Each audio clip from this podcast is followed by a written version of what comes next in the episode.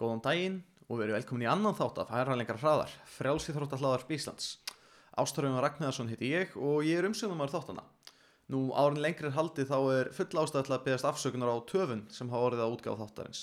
Uh, Það fellur alveg á mig en mér til varnar þá er þetta gert í fullri sjálfbáðunni til þess að reyna ebla íþróttna sem er andum. En áfram gakk, ekkert væl. Í þættum í dag ætlum að fara aðeins yfir það sem hefur verið um að vera í frjálsýþróttum undanfarið. En það er mörg horn að líta. Frestun að háum í frjálsum vegna kórunuverunar og möguleg hætta sem stæðjar að ólimpíuleikum vegna þess. Félagskipti Arnars Péturssonar yfir í breyðablik, Þráin Hafsteinsson sestur í Helgan Stein sem þjálfari, frestun að MI 11-14 ára og svo eru það sjálfsög úrslit og árangurar frá MI 15-22, RIG, MI fjölþurutum og Íslands frjálsjótt fólk hefur síðan að sjálfsög verið að gera glæslega hluti á fullta mótum út um allan heim. Uh, ef við byrjum á Arnari, svo við vitnum bara beint í fyrirsögnun á vísi, Arnar Pétursson skiptir aftur í breðablik og stefnir á Tókjó. Það eru ægast að táleit markmið hjá kappanum, en burt sér frá því gríðal óvænta ýmsuleiti, þessi félagaskipti, en kemur samt sem áður svo sem ekkit á óvart að öðru leiti. Breiðarblik er nú ekki beint þekkt fyrir að vera vagga langklaupar á Íslandi og því spes þegar einn besti hlaupara landsins fer yfir. Þvert að móti hefur svona er langklauparar farið úr breiðarblik og annað. Dettur helst í hug bara félagaskipti sörumjallar yfir í er núnum ármóti. En svo sjálfsögðu æfir Arnar eftir því sem ég kemst næst nær alfari sjálfur og eftir eigin áallun. Þannig hann er kannski ekki jafn mikið að stóla á frábært þjálfarateimi sem hinn ímsu félag hafa geima. En er raunhæft fyrir Arnar að stefna á ólimpíuleikina? Lámarkið er 2.11.30. Arnar á að mér minnir best 2.23 frá því Reykjavík marathon á seinast ári. Gæti verið búin að bæta það eitthvað, en er raunhæft að skafa um 10 mínútur árangnum? Vissilega er ekki bara ekkert að hóra á lámarkin. En World Athletics er líka með svo kallaða rankingkerfi þar sem Íslandsmeistaratitil teður ákveð mikið, sigur og stórmótum ákveð og þar eftir götu. Ég persónulega held að það sé hæpið en það er alltaf möguleiki og með það er möguleiki þá verður maður að leggja sér fram en það er sennilega bara einn maður sem veit bestu möguleika Arnars og það hlýtur að vera Arnars sjálfur við ætlum því að heyra hans í hann og spjalla við hann um þessi mál Hvort er sæl og blessaðar Arnar? Já, verður blessaður, gaman að vera mættur til þín. Já, takk, takk. Hvað segir þú annars? Ég held að ég sé bara, ég gæti mögulega verið betri en ég er bara, maður fýll. Já, helviti gott, helviti gott Herðu, þú ert hérna múin að tröllir í öllum fjölmiðlum undanfarið, skiptir í breyðarblik Hvað kemur til? Af hverju, af hverju núna? Já, ég enda bjóst ekki við að þetta er eitthvað sérstakt fréttaefni, sko. Svona, þetta er reynskýrið en, hérna, um, já, ég let nú vel að mér er engan vita, sko, þú veist, breyðarblik, þau vissi þetta ekki heldur, sko. ég bara skipti, sko. Já. En það er semst ástæðan fyrir kannski náttúrulega fyrst og fremst er að ég er náttúrulega bliki upprunalega og Kópavóks búi, búi allæfi í Kópavogi og það er svona fyrst og fremst en ástæðan fyrir ég skipti í IR á sínum tíma var bara að því að var einhvern veginn ekkert í gangi í breyðablík og Gunnar Páll sem var þjálfari minn þá var í IR og mér fannst einhvern veginn bara svona mega mest sens að vera í sama félaginu og þjálfarinn var í Akkurat. en síðan núna síðust ári hef ég náttúrulega verið að þjálfa mig sjálfur og ég er lítið á landinu og já og svo bara þannig að ég ákvaði að það er lengið tilgangur þannig sé að vera í, í lengur. Sem er bleiki og fara bara aftur heim sko. Fara aftur heim, þetta þýðir þó samt var tæplega að fe- ferillinn sé að líðin til loka það? Nei, alls ekki sko, hann er eh, bara rétt að byrja. Það er eiginlega að vandræðilega í þessu hvað maður á langt eftir sko, þetta er sér það sko, Eliud Kipchoge að hann er hvað átjánara og hleypur 12.50 í 5.000 metrum og síðan hæfur hann í hvað 16-17 ári viðbútt án þess að meðast og þá loksins hefur hann getur alltaf hlaupið undir tvo tíma þannig að Akkurat, akkurat maður hefur ansi, ansi langan tíma eftir sko. Það vandræðilega langan tíma, sagði þér Já, í rauninni sko, þetta er, þú maður er svona bara, maður er ennþá eiginlega, náttúrulega ungur bara í þessum langhlaupum sko. Akkurat, akkurat En hérna, herru, þú setur stefn á ólimpíuleikana 2020 og þar er Já. lámarkið í marathónu 2.11.30 og Já. er þetta raunhæft að ná einn? Áttu inni mikla bætingar og nú er náttúrulega búið að kynna þetta nýja rankingkerfi hvernig kemur það út fyrir þig og þína möguleika?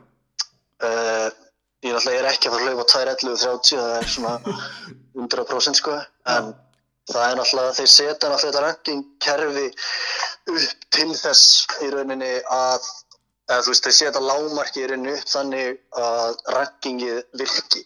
Þess að þeir setja það hart lágmark að það og þeir vilja bara fá 81 í marathoni, þannig að þeir setja lágmarki bara það hart að það muni allan ekki 80 ná því.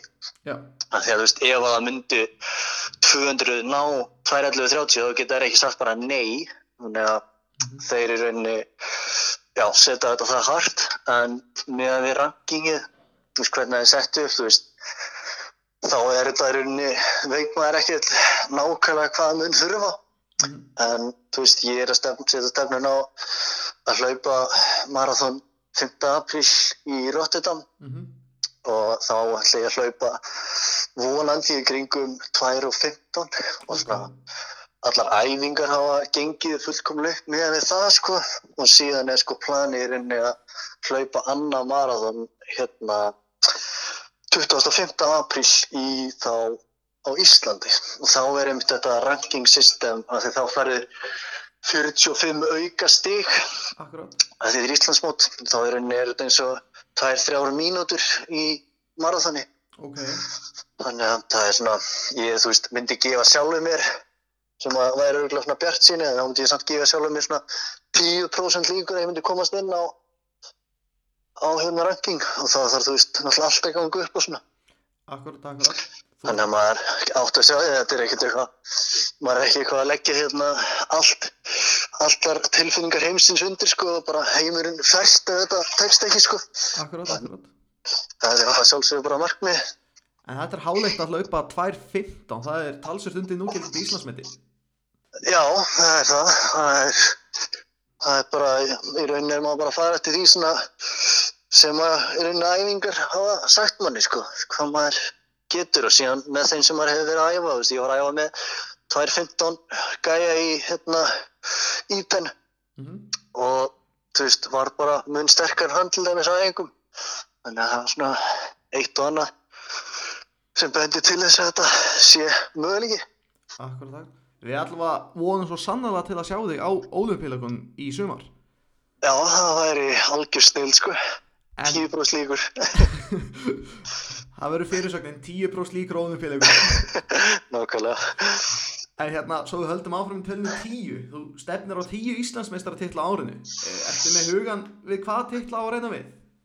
Já, í rauninni 2017 þá hérna vann ég nýju Íslandsmeistara til á sama árinu sem Mhm. ég held að hafi aldrei verið gert áður og það var reynda rugglast og held að morgunblæði hefði skrifað sko ég hefði sett nýju Íslands met á því ári en ok, whatever. En hérna, en já, bara eins og þetta podcast heitir herra, hraðar lengra. Herra Og lengra hérna- hraðar en allt í að herra lengra hraðar. Að hérna að þá er náttúrulega bara að því að það ár sko þá lendi ég í öðru sæti í 1500 metrum innanhús Mhm. og að það var eini svona Íslandsmjöstrið sem var misti af þannig að ég mun reyna að ná, ná í hann á morgun á Íslandsmótinu Akkurát. en það er svona bjart síni en maður er æfa fyrir marathon en láta reyna á það, af hverju ekki Já, nákvæmlega, nákvæmlega. Gott publicity og svona. Já, annars, fer maður bara í 1500 utanhús. Akkurát. Þannig að þetta eru hvað, 15 og 3 inni? Já, svo er þetta 5, 5 og 5 á braut og götu, 10-10 á braut og götu, 3000 hindrun, marathon, hálmarathon, víðáhanslaup. Ok, ok. Síðan er mögulega hérna 1500 metrar á braut, Já, en sjáum til með það, það er, ég held að sé sko sama degi og 3000 hindrun eða 5000 á braut, en ég manna ekki það. það þurfti að vera gríla taktíst allavega. Já, það hérna en já, þetta er allavega ég veit að þetta er möguleik, ég hef einu svona gert þetta næstum því tíu það var Já, nýju, þannig að já, þetta er spennandi rökrætt næsta skref. Já, ekki að segja það Herru, Ég veit bara þakka þér kærlega fyrir spjallið Arnar bara áfram Arnar og áfram breyðablík. Já, áfram podcast, áfram ástur. Herðu, þakka þér kærlega fyrir veistari. Við sjáumst. Verður blessaður. Já, bæ. Já, við þökkum Arnari fyrir þetta. Hann er allavega harða ákveðin, bjart sín og stefnir allavega leið. Við óskumum að sjálfsögðu allsins besta og vonumst til að hann komist á olimpíuleikana. En við viljum svo sannarlega sjá eins mikið af íslensku frjálsjötafólki þar og mögulegt er. Við höldum öll með þér Arnar. Svo eru Arnar einnig meðal keppata M í aðalhuta núna um helgina og keppir þar í 1500 metrum og 3000 metrum. Það verður spennandi að sjá. Nú, það hefur sennilega ekki farið fram hjá neinum sem býr ekki helli að kórónuveran tröllir í þér öllu og hefur gríðarlega áhrif. Eru frjálsýþróttir þar engin undanþekning? Háðum í frjálsum sem átt að fara fram dagana 13-15. mars í Nan, Nanjang... Eitthvað, Kína hefur verið frestað vegna útbreyslu værinar. Nanjing er þetta nú sennilega, afsakið þetta. Já, mótnið verið frestað fram í mars 2021 og er það sjálfsögðu svekkjandi fyrir alla unnendur frjálsýþrótta og einnig nokkra Íslandinga en Linur Andriðsson hafði til dæmis auga á mótinu en það er ekki það eini í þessu Rattir og vangaveltur hafa farið að stað um hvort þurfum mögulega að fresta ólimpíuleikunum í sumar vegna útbreyslu veirinar en þeir eru að fara fram í Tókjó í ágúst. The Guardian fjallaði einmitt um þetta. Uh, Alþjóða ólimpíunendin þvertekur fyrir þetta að allt verið samkvæmt áallun og ólimpíuleikunir farið fram.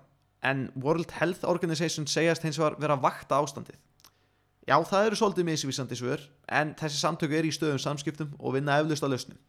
Við allavega vonum það besta og vonist til að ólimpíuleikarnir haldi sínu streki. Nú, áður höldum lengra er rétt að minna hérna á að Hlinur Tjadvik, frálsíðastáðhjálfari á afturælningu, hefur núna verið að halda úti svona kaffispjalli fyrir íslenska frálsíðastáðhjálfara. Næsta kaffispjalli er áallat förstu daginn 28. februar klukkan 8 á kaffi laugaleg. Og þetta er ekki neitt fundur eða eitthvað formlegt, þetta eru bara samstagsæðalar, frjálsýþórtum setjast niður og fá sér kaffi eða te saman og spjalla deila hugmyndum og eiga skemmtilega umræður. Það er allir velkomnir í þetta. Við hvetjum til að kíkja á þetta. Enn og aftur, kaffi lækur klukkana átta íslenski frjálsýþórtaþjálfarar, spjall.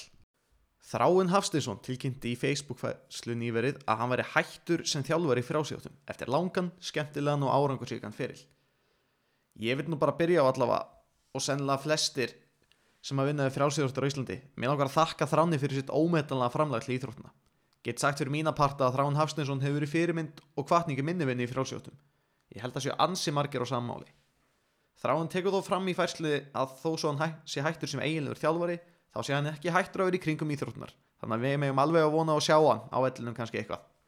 En ég ætla að fá að heyra hér aðeins í mannum og spjalla aðeins við hann um ferilin Já, við bjóðum velkomin hérna Þráinn Hafstesson, velkomin. Takk fyrir það. Herðu, það er hérna stór tíðindi. Þú tilkynni hér í Facebook færst að þú sett hættur í þjálfun. Hvað kemur til? Af hverju að hætta núna? Já, ég, ég veit svo ekki hvort þetta er um neður stór tíðindi sko en, en hérna, jú, ég hef búin að vera lengi aðeins í þjálfunni Mm -hmm. og árið 2016 þá Já, 2014 þá var ég búinn að tilkynna að ég myndi hætta sem yfir þjálfari hjá ég árið 2016 eftir það tímabill og svo er ég búinn að vera í svona, svona aðlögun frá þeim tíma og ég var þarna í verkefni með Jóni Sæværi með tvöfröldar og sjöðröldar fólk Mm -hmm. í þrjú ár og svo gengur bregðarblismenn út af því samstarfi við Íringa núna síðastlega haust og, og þá var endir á því verkefni og þá var ég eftir með tvo stráka sem satt í þrautinni, einar daga sem ég er búin að þjálfa lengi og Benjamin Johnson Já, sem að fór svo til bandaríkjana núna í byrju janúar og einar dagi ákvaða að hætta æfingu fyrir tökflöld norðan um áramótin og þá fannst mér bara rétti tími fyrir mig að, að draga mér hlið. ok, ok. En hva, hvað verður þá um tugþrautin allavega hjá íringum? Það er alveg fínum þjálfurum sem að sjá bara um, um það áfram sko. Mm Já, já. það, na, það er ekki, Nei, ég hef engar ágjur af því. það er allavega gott að heyra. En svona aðeins Já. bara um félagin, hvernig, hvernig atvikast að þú byrjar í þjálfum og hvenær byrjar að þjálfa? Sko, ég byrjaði nú að, að allast upp á heimili, með lungmannafélags heimili, Sölfossi Mm og pappi var í fórustu HSK þegar ég var glutti og, og hann geymdi kúlur, kúlur og kringlur og spjót heima. Þannig að ég stalst í þessi tæki og fekk þannig áhuga fyrir frálsum Já. og, og síðan bara eins og allir krakkar á Salfossi þar sem ég ólst upp var við hafðum bara alla greina sem voru í bóði og frálsar voru þar með og en fyrstu þjálfara svona reynsla mín það var nú að reynda að þjálfa fótbolta þegar ég var 14 ára gammal og þá þjálfaði ég alla yngri flokkana eitt haust hjá, hjá Selfoss að því að það fyrst engin þjálfari til að þjálfa strákana. Ok, og ég var svona fullorðin fljótt þannig að Já. ég hoppaði bara inn í þetta og þannig byrjaði þetta. Þannig byrjaði þjálfara ferillin já, þjálfa fótbolta sko. En, en þá fann ég enn gríðilega áhuga fyrir því að, að vera þjálfari sko, mér fannst það mjög skemmtilegt. Mhm, og svona 17-18 ára þá er ég fann að bera hansi mikla ábyrð á frjálsöldastarfinu á Selfossi og hjá HSK mhm, í stórum hópi efnilegra úlingar sem að þá voru á uppleið. mhm, 1976 fyrir til dæmis í æfingabúið til Danmarkur og, og þá skrifaði ég afreikast frá HSK í öllum aldursflokkum og við gáum út til þess að fjármagna ferðina og seldum afreikskránu út um allt á Suðurlandi. já, já hvað segir þú, en 76 á 76. ok, já, já, og 1978 þá, þá var ég svo hættan að hitta stelpur sem ég var hrifin af og, og hún var svo kona minn, það er Þórdís. Já. og, og mjög fljótlega eftir að við tókum saman þá byrjaði ég að þjálfa hana. Og, og, þjá, og þjálfaði hana í rauninni í, í, með, meir en tvo áratví sko. já. Ok, En uh, svona fyrsta, fyrstu eiginlega þjálfara starfi mitt var hjá IR 1980 mhm, og þá þjálfaði ég hjá IR og, og svo um haustið breyðablík já, og, og svo hann um haustið 1980 þá fáum við þóttist tilbúðum að fara til til uh, bandaríkjana í skóla og, og stukkum á það tækifæri. já, já, já, vorum þar, vorum þar frá 81 til 86 og, og ég í rauninni þjálfaði Þúrdís allan þann tíma og hún var þá uh, þrísasunum bandarískur háskólamistari í Hástöki og bætti Íslandsböti nótt og ok, á þeim tíma voru þannig margir Íslandingar uh, sem komu eftir okkur eins og Viðstuð bróður minn og Sigur Einarsson sem var fynnt á olimpíuleikunum 92 mhm, og Íris Grönfeld, Íslands metta í spjótkasti á þeim tíma, Kristján Harðarsson, pappi hennar Byrnu Kristínar, já, langstökkara, Eggert Bóasson og Ragnir Ólafsdóttir og Pétur Guðmundsson. það hefur verið þarna aðra grú af Íslandingum út á þessum tíma Já, þau voru öll þarna við sama skólan og, og, og langt flest að þeim hafa verið að sinna þjálfun eftir að hættu keppni. mhm, Svo komum við heim 1986 og þá flyttum við á Selfoss og, og förum að þjálfa á, á Suðurlandinu og ég er í því alveg til 1994 með eina árið undan, undan skildu 92 þá fluttum við til Svíþjóður og þar var ég að þjálfa hjá Mölndans AIK í Gautaborg já og Þórdís að æfa á fullum.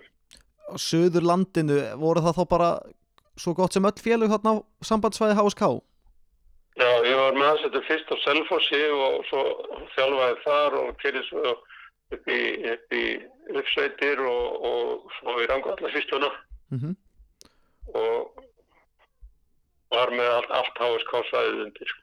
og var þetta, varstu bara, var þetta þín atvinna, vannstu eitthvað meðfram eða, Ég, þetta var allt saman bara, bara aukaðina. Ég vann, vann við kennslu á Já. þessum tíma á laugatni og, og, og kyrði svo út um sveitir og til að þjálfa á kvöldi. Það hefur ekki verið margar dauða stundir. Nei, þetta var mjög skemmtilegt. Þú varst í, og árangursrík, árangursrík og tími því að HSK var meðal annars það, með mjög fjölmönd lið og gott þá og, og bæði mjög sterk úlingalið og svo unnum við byggarkeppnina 1990 og 93 Já, það er það sem að, og, og unnum þarna frjálsötakeppnir landsmótana nokkuð, nokkuð skipti í röð það er það sem hann Óli Guðmund svitnaði sennilega mjög oft í þegar ég var að æfa í honum sem gullaldar árin. Já, akkurat og það, það var einmitt Óli var þarna og Jón Birgir pappans pappi Elvars í handbóltanum Auðun Guðjónsson Þurriður Ingvar sem er að þjálfa á Salva Sigriður Guðjónsdóttir þetta er svona meðal þeirra sem voru þarna og Friðrik Lassen er mér alltaf svona stótti kær og hann er í viðtali í morgunum í, út, í útdarpinu er einn okkar aðal sérfræðingur og doktor í hérna, eh, markasfræðum Já. Akkur, en þetta, hvað, þetta endist til 96, þú ert hjá IR í dag? 94, ní- 94 Já. hætti ég eftir landsmótið á lögavatni Mm hjá HSK og, og, og þá tekki við sem yfir þjálfari hjá IR mhm. og var þar í 22 ár til 2016 sem yfir þjálfari Ok, og þe- og þegar ég kem þa- þangað sko til IR sem hafi verið stórveldi þá þá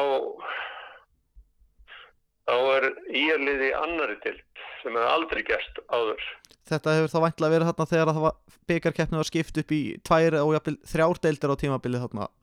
Já, akkurat. Og við náttúrulega settum okkur bara markmiðum að fara upp í fyrstu dild strax og það, það náðist og, og svo var þetta bara upp í king næstu árin. Uh, en við lendum í fjáraskrökkum í kringum árið 2000, kringum aldamótin og, og þá kom svona bakslag í þetta starf hjá ég en eftir árið 2000 og þá var þetta bara mjög massíf uppbygging. Byrjuðum alveg frá grunni árið 2000 að einbit okkur að 14 ára yngra starfinu. Já, og svona unnum þetta mjög markvist bara við, við vildum bara byggja upp á okkar eigin krökkum og höfum gert það síðan. Akkurat, akkurat. Þannig að það, þú komið víða við á ferlinum allavega. Já, já, En- alveg En ef það er svona sko þjálfaraferlin lokið, er eitthvað svona, er eitthvað sem stendur upp úr? Megi alveg vera fleiri en eitt atriði svo sem? Já, já, ég, það er það hellingur sem að situr eftir sem maður minnist og hérna, ég var nú svo heppin að, eins og ég sagði ráðan að, að þjálfa konuna mína, alla henn- hennar fyrirlega mér eh, lengst af hennar ferli og, og dætur mínar líka, Helgu og Hannu sem voru, voru í hástökinu báðar Mm og svo frá Alabama tímanu þá voru náttúrulega eftirminnulegir íþróttamenn. Ég, ég þjálfaði til dæmis uh, Íslendingarna nokkra hana, Írisi í spjótinu og Ægert Bóarsson í kringlunni og Véstein Bróðir í kringlu og Sigga Einars í spjótinu og Þortísi. Frá Alabama tímanu sko fyrir utan Íslendingarna sem ég þjálfaði þá voru margir Amerikanar mjög eftirminnulegir og það er sérstaklega þeirra sem að byrjaði að þjálfa fyrir einn aðstöðan þjálfari við háskólan og þá kemur hann til minn og ég vil æfa hérna þér frá hann. Hann átti 2.19 í hástöki þá -hmm. og fyrsta æfingunum þá var hann um að sína mér hvern, hvað, hvað atrinu hann væri með og þá sagði hann, nei ég, ég á enga atrinu.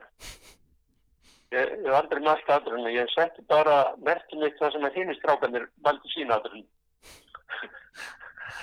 og hann æfði með þótt til sig næstu tvö árin og, og fór úr 2.19 í 2.32 og, náði silfur á háskólamestarumótinu setti svo amirist með eftir að við vorum flutt heim við þurftum og 2.38 Já, en, og, en svo frá háskólatímanum þá var ég búin að nefna hana kakkarnas Friðrik og Óla og Jón Birki og Auðun og Þurriði og Sigur Guðjás og náttúrulega miklu fleiri. Guðlöður Grettisson kom til þessi háskáða sem tíma setti Íslandsmett í hástöki en hafði kert fyrir í er áður mm og, og svo og, svona fyrstu árun hjá í er að þá þá er mér sérstaklega kær einni íþróttamæður og það er, er Guðlöf Harðardóttir Já. sem er núna bónda, bóndakona í Rangárðarsýslinni. Býttu nú við, hvað, hva, já, það er áhugavert. hún, þegar ég kem til Lýra þá var hún nýbyrjuð að æfa og, og var svona að kasta eitthvað og æfa bara almennt og ég, ég fann fyrir hann að grein sem að lág vel fyrir hennu sem var þá mjög eh, ný meðal kanna og það var sleppjukast. Ekki er þetta konans Haraldsgísla frjálsjóta þjóðóra? Jú, þetta er. Já, já. Og, og hún er eina af þeim fyrstu sem tók upp að æfa sleggjukast á Íslandi og ég, þetta er eina, eina mjög fáum greinu sem ég kunni ekki neitt í, sko. Þetta, þetta er náttúrulega ekki í töfðröndinu sem að ég var, sem var mín íþróttagrein, sko. En hún endaði með því að hérna, það þóttur að hafa kannski ekki óbúslega mikla svona líkanlega hæfileika en, en hún setti í, í, í oftar en einu sinni og komst til bandaríkjana á skólastyrk út af sitt sleggjukast og er búin að menta sig vel síðan og, og ég veist þetta sína svona hvað hægt er að gera eða lögðu mikil vinna í það sem maður er að gera. já, akkurat, Nú erum náttúrulega einan dagi Lárusson túrtakaffi, ég tók á móti honum 13 ára gömlum og var að enda þess að 17 ára síðar með honum er núna áramóti. Mm En ég er mjög kæri í þetta maður. Jóhanna Ingadóttir, Þrýstökkari, Kristi Byrna, Sjöfundakona á fjórum, Brynjar Gunnar sem er núna að þjálfa stöðlöfarnir hjá ég, -hmm. Þorstein Ingvarsson, Óðun Björn, þeirri sem að og svo náttúrulega tuturita strákanir Benjamin Johnson og Tristan Freyr þetta eru strákar áður eins og eina dagi sem ég tók við og þeir kunnu eiginlega ekki neitt í því sem að þessum tuturita greinu þegar ég tók við og ég kendi þeim og þjálfaði það upp í það að ná hans í góðum árangri ég það mjög skemmtilegt að takast á því svona uh, verkefni þar sem að byggja upp frá grunni svona, þessi þrýr tuðuristastrákar eru svona dæmi um svoleiðis eindök. hafa þurft að hafa erulega fyrir sín árangri. Já, þeir eru hæfileika mikla þessi þrýr og náðu bara land og Benjamin náttúrulega ennar og á þetta að bæta sig vonandi en, en svona við komum stundið vel háar og kunnu lítið í greinan með ekki neitt sko. Mm og kent þeim frá grunni. Akkurat, En, en það sem að ég alltaf lagt á sem þjálfari, lagt áslá sem þjálfari er að hafa fjölmenn við mm og það var þannig þegar ég var að þjálfa hjá HSK og, og, og þannig hafði ég alltaf hjá í að það voru allir velkomnir og við reyndum að finna öllum að hlutverk í liðinu og lögum mikið upp úr því að fjölmenn lið því að það veit aldrei almennilega hver er efnilegastur og hver nær lengst og svona þannig að við ég alltaf vilja gefa fólki möguleika á svona á þess að þurfa að velja ykkur að fá að fá útvalda. já, akkurat, akkurat. Það er held ég filósofía sem að við getum öll, ættum öll að reyna til einhverjur. Já, svo, sko, í, í grunninn er það þannig náttúrulega að það verða afskaplega fáir afreifsmenn og en, en við þurfum á öllum þessum aðlum að halda þeir geta, þó eru verið kannski ekki í afreifnum, þá geta verið landslismenn, þeir geta verið verðmættir keppnismenn fyrir liðið sitt í, í mjög lengi oft og, og svo geta verið harkuð bóðu tjálvarar, leiðtóðar, dómarar, farastörar eða, eða ef þeir finna til þess að þeim er ætlan hlutverk innan félagsins. Mm og þess vegna finnst mér við aldrei hafa efna því að, að fekja ykkur í burtu að þeir eru ekki nógu góðir í ykkur. Akkurat, Við akkurat. bara finnum í hverju þeir eru góðir og finnum þeim hlutverk innan félagsins og þá því að svona félagskapur hann er svo miklu miklu sterkari ef hann er fjölmennar Algjörlega. og miklu meira hægt að gera og koma í framkvæmt Mm -hmm. Það er, og en, já, en, en sem, þetta var mér sem ég var að vinna hjá HSK og það voru allir sammála þessari þessari filosófi og þegar ég kendi nýjir þá bara kerið þið á, á sömu stefnu og og hefur margt að gert. mm Akkurat, akkurat En svona, En, hérna, Eh, en, en mér langar aðeins að koma sko hjá í, í er tímanum að sko við, við byrjaðum það 94 og við byggjum upp frá grunni og svo lendum við í fjárhagsvandræðum kringu 2000 og þessum að byrja það nýtt að byggja upp og þá tók ég og Þordís að að þjálfa 11-14 ára krakka árið 2000 og sá hópur er svona mér kærastur af öllum hópum sem ég hef þjálfað því að þessi hópur var svo grunnurinn að þessu stórverdi sem að ég er varðið nokkrum árum segna. Akkurat, já. Byggir á góðum grunni. Já, við byggðum upp sem sagt mjög öfnugt þarna á língastarf hjá ég sem að uh, erum sigurverðari MI 2001 og svo sigurum við MI 15-22 2004, þreymur árum senna með þennan sama kjarnar og erum búin að vinna það mót á hverju einasta ári síðan, síðan 2004. Já. Svo ég spyr ég Og- bara þú, nú, þú fórst þannig og þjálfaðir landslismenn og aðriksmenn. Það var fyrir þér engin fyrirstað og alveg sjálfsæður hlutur að fara aftur í það að þjálfa börn og úlinga þarna upp úr aldamótum? Já, það var svona eftir því tekið að ég skildi gera það en, en, en við ákvaðum bara að gefa okkur í þetta og, og hluti að þeirri ástæði var að dóttir okkar þóttisar var í þessum hópi, mm Helga eldri stelpan okkar.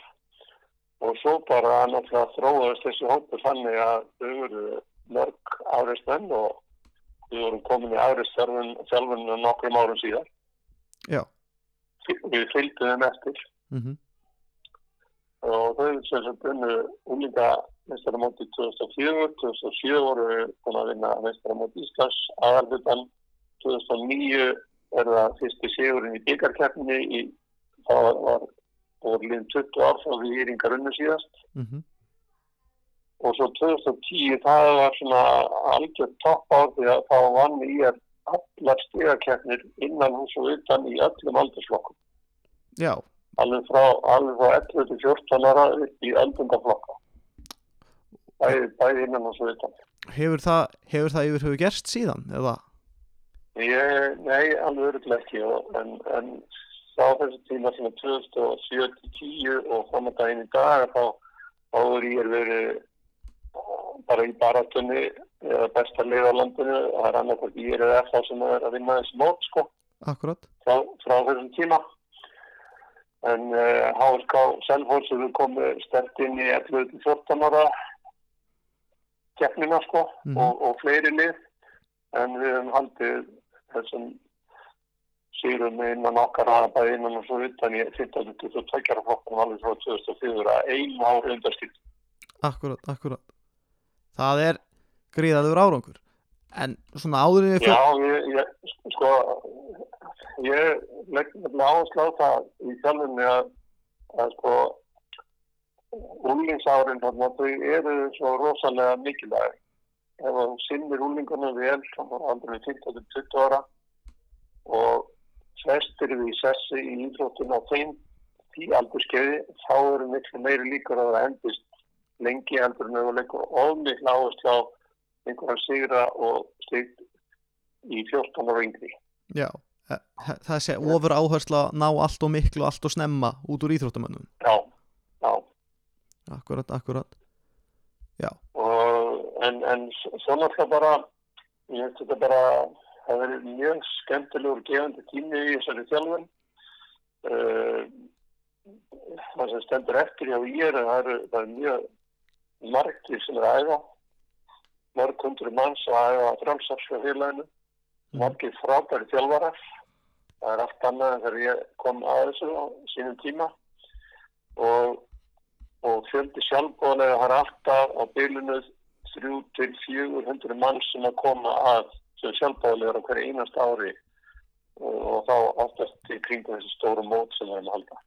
Já, Og ég er hérna kom á er, var aðal kvartamaðurinn að stórmóti ég er á sínum tíma sem búið að halda 24 sinnum núna.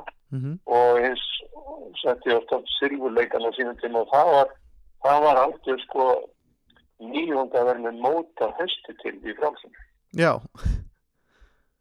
Það hefur ekki og þekst silfurleikarnir voru fyrsta móti á Íslandi sem var árleg mót sem var haldið í nógundar Mm.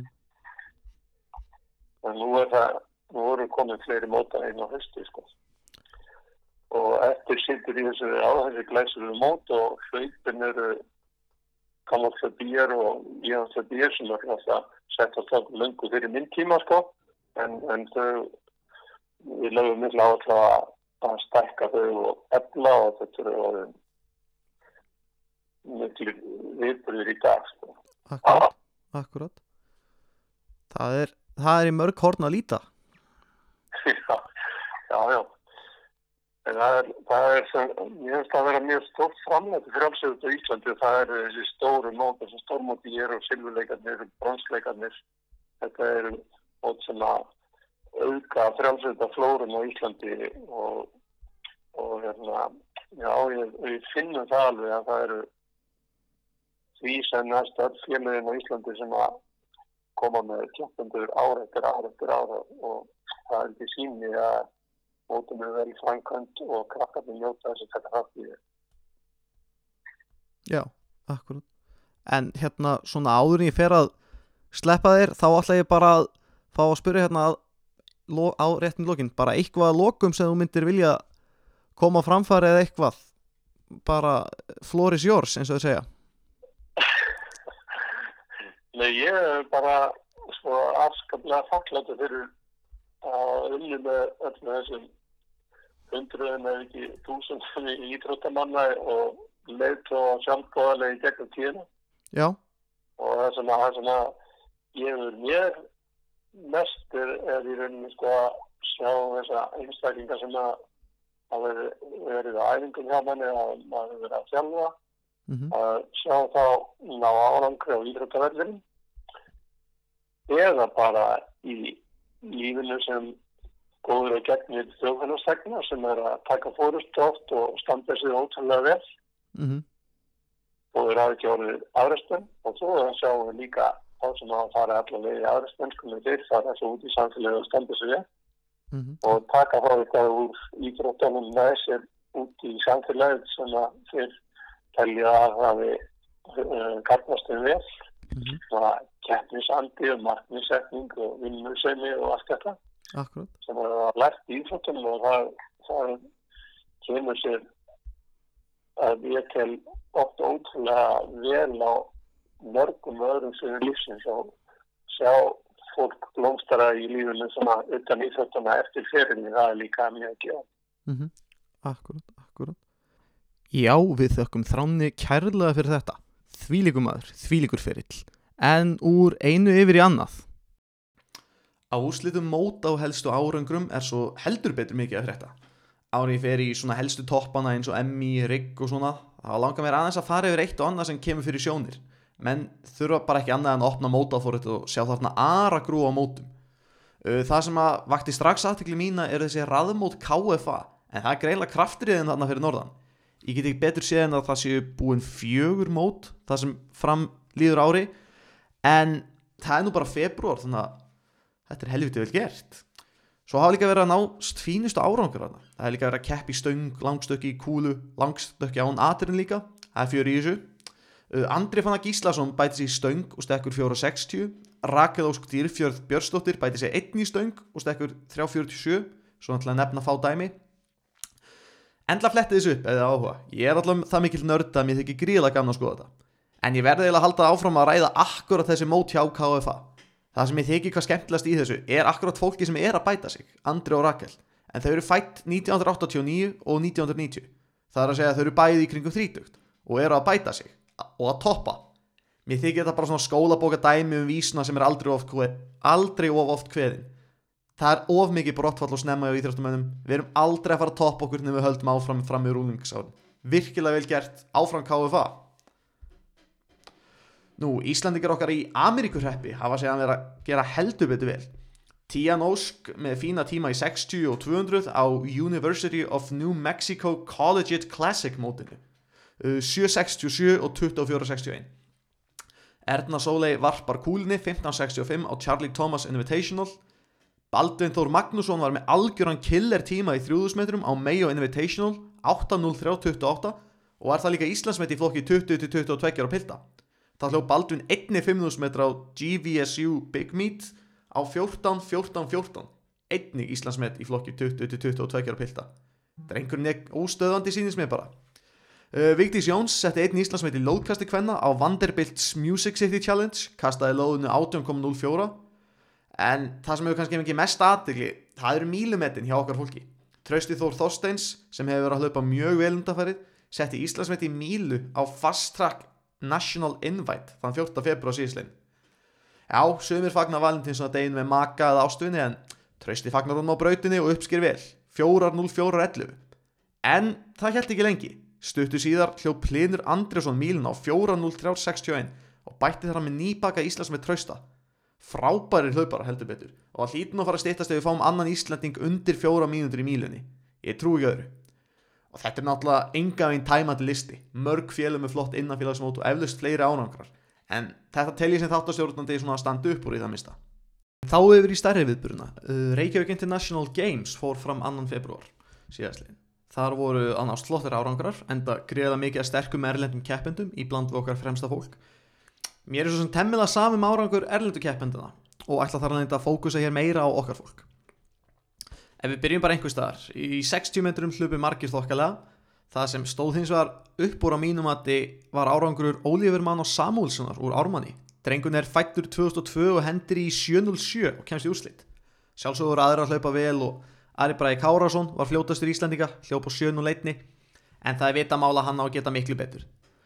Í fjörðmetur hljóp Kormakur Ari Þokkala FH 48-94 en enn og aftur þá voru þessir yngri strákar. Dagur Fannar Selfossi hljóp á 51-47 og Kjartanóli Fjölni á 51-94 Báðir er fættir með 2002 Já ég veit ekki, þessi 2002 árgangur er greinlega helviti sterkur og þessi árangur gefur góða vunir vonir fyrir sömarið og tja bara framtíðina. Í 1500 metrar hlaupi Karla var að Hlinur Andrisson sem uppskar sigur hljóp á 3.46-40 rétt svona við Íslandsmetið sem hann var að stefna á fínt hlaup hjá hlýn sem eins og kom fram hér fyrir þættunum er búin að vera að gera góða hluti til dæmis þetta Íslandsmetið í Mílunni sem kom nýla nú kúlar Karla þar sigraði Guðnumvælar Guðnason það með risa bætingu varpaði kúlinni 1843 greinlega mikill styrkur til staðar og kappin að koma vel undan vetri. Verður fínt að sjá hann kasta kringlunni í sumar. Kvenna megin var árangur sem að sjálfsög ekki sýri Guðbjörgjóna Bjarnadóttir í er fór á kostum í 200 metrum hljópun á 23.98 fyrir geðið sem er bæting og hennar fyrsta hlaupundi 24 sekundum og tja, annar besti tími íslenskara konu í greinni það er mitt stutt í Íslandsmeti hjá Silju Úlfarsdóttur en það er 23.79 Guðbjörgjóna gerði einni góð hlut í 60 metrum en þar sigur hún og komið mark á 7.48 ennu aftur stutt frá Íslandsmeti Í langstökki kvenna þá fannst mér svona standa upp úr að Hildigunnur Þórunistóttir úr IR bætti sig. Langstökki 578 metra en hátti sigraði þar, komum betur á því á eftir. Ég er nú svona ekkert að tellja hér upp hvern einasta árangur, heldur bara svona það sem greip aðtegli mína og svona helstu bætingar og sigra. En mér þykir þetta að gefa góð fyrirheit og sína þeim svona what's to come þegar það líður árið. En utan við þessa árangra og bætingar þeim, þá er þetta fullt af hlutum eins og árangur Kristjánsvík og í hástökki. Drengurinn á best 2.13 stekkur 2.09 á rigg. Það er náttúrulega bara frábært að Íslandingar eigi loks stabilan stökkvara sem getur stokkið um og í kringum 2.10 og hann er náttúrulega bara 17 ára og á mikið inni. Og svo auðvitað einnig Hafdí Sigurðardóttir sem hefur bara í mörg ári er okkar besti langstökkvari. Það er alltaf stabíl, góð stökk, vel yfir 6 metrana og hún stökkur með 6.37 núna rigg og sigurðaði. Og þó hún sé komin á 33 aldursár og án þess að ætla að fara að rampa um eitthvað sem ég veit ekki alveg hvað hún hefur ætlað sér, þá myndir maður svona áætla að það væri ekkit gríðalega mörg ára eftir að háu lefili. En þrátt fyrir það, þegar þessi stöðuleiki er, þá er aldrei eftir að útiloka bætingarnir. Ég allavega ætla að spá því að hún eigi inn að minnstakusti eina góða bætingu viðbót í greininni. En heilt yfir, geggjað mót, Riggs var bara fínt, dóngjæsliti fyrirmyndar, eina sem hægt var að setja út á, nennir eitthvað að kenna þessu myndatökulegi hjá Rúf að taka upp á frjálsjöftumótum. Það er alveg út í hött. hlaupi lokið eða hálfri til einni mínúti að súma að íþróttahokki þreyttu og nýkomni í mark í staðis að sína til dæmis frá tæknigrein. En það voru svo sem líka góður hlutir. Myndafla plankaði langstöki greilt framfaraskref. Þannig að rúf, velgert að mörgleiti en taki endla til ykkur þessar ábendingar. Það hefur fjöldi fólk sem á frjálsýrótt á Íslandi bent á akkurat þetta. Svo veriðist sem tíminn sé að hlaupa frá okkur og því miður kefst okkur ekki tími til að fara yfir meira að þessu sinni. Þar að lendi þurfa úrslit frá hinnum ímsu mótum eins og til dæmis NM og MI 15-22, MI þrautum og svo þess að býða fram í næsta þátt og við getum gert þeim betri skil ásand MI fullorna. En Ásturðan Ragnarsson heiti ég og ég vil þakka ykkur hér fyrir samfélgni í dag. Þar til næst.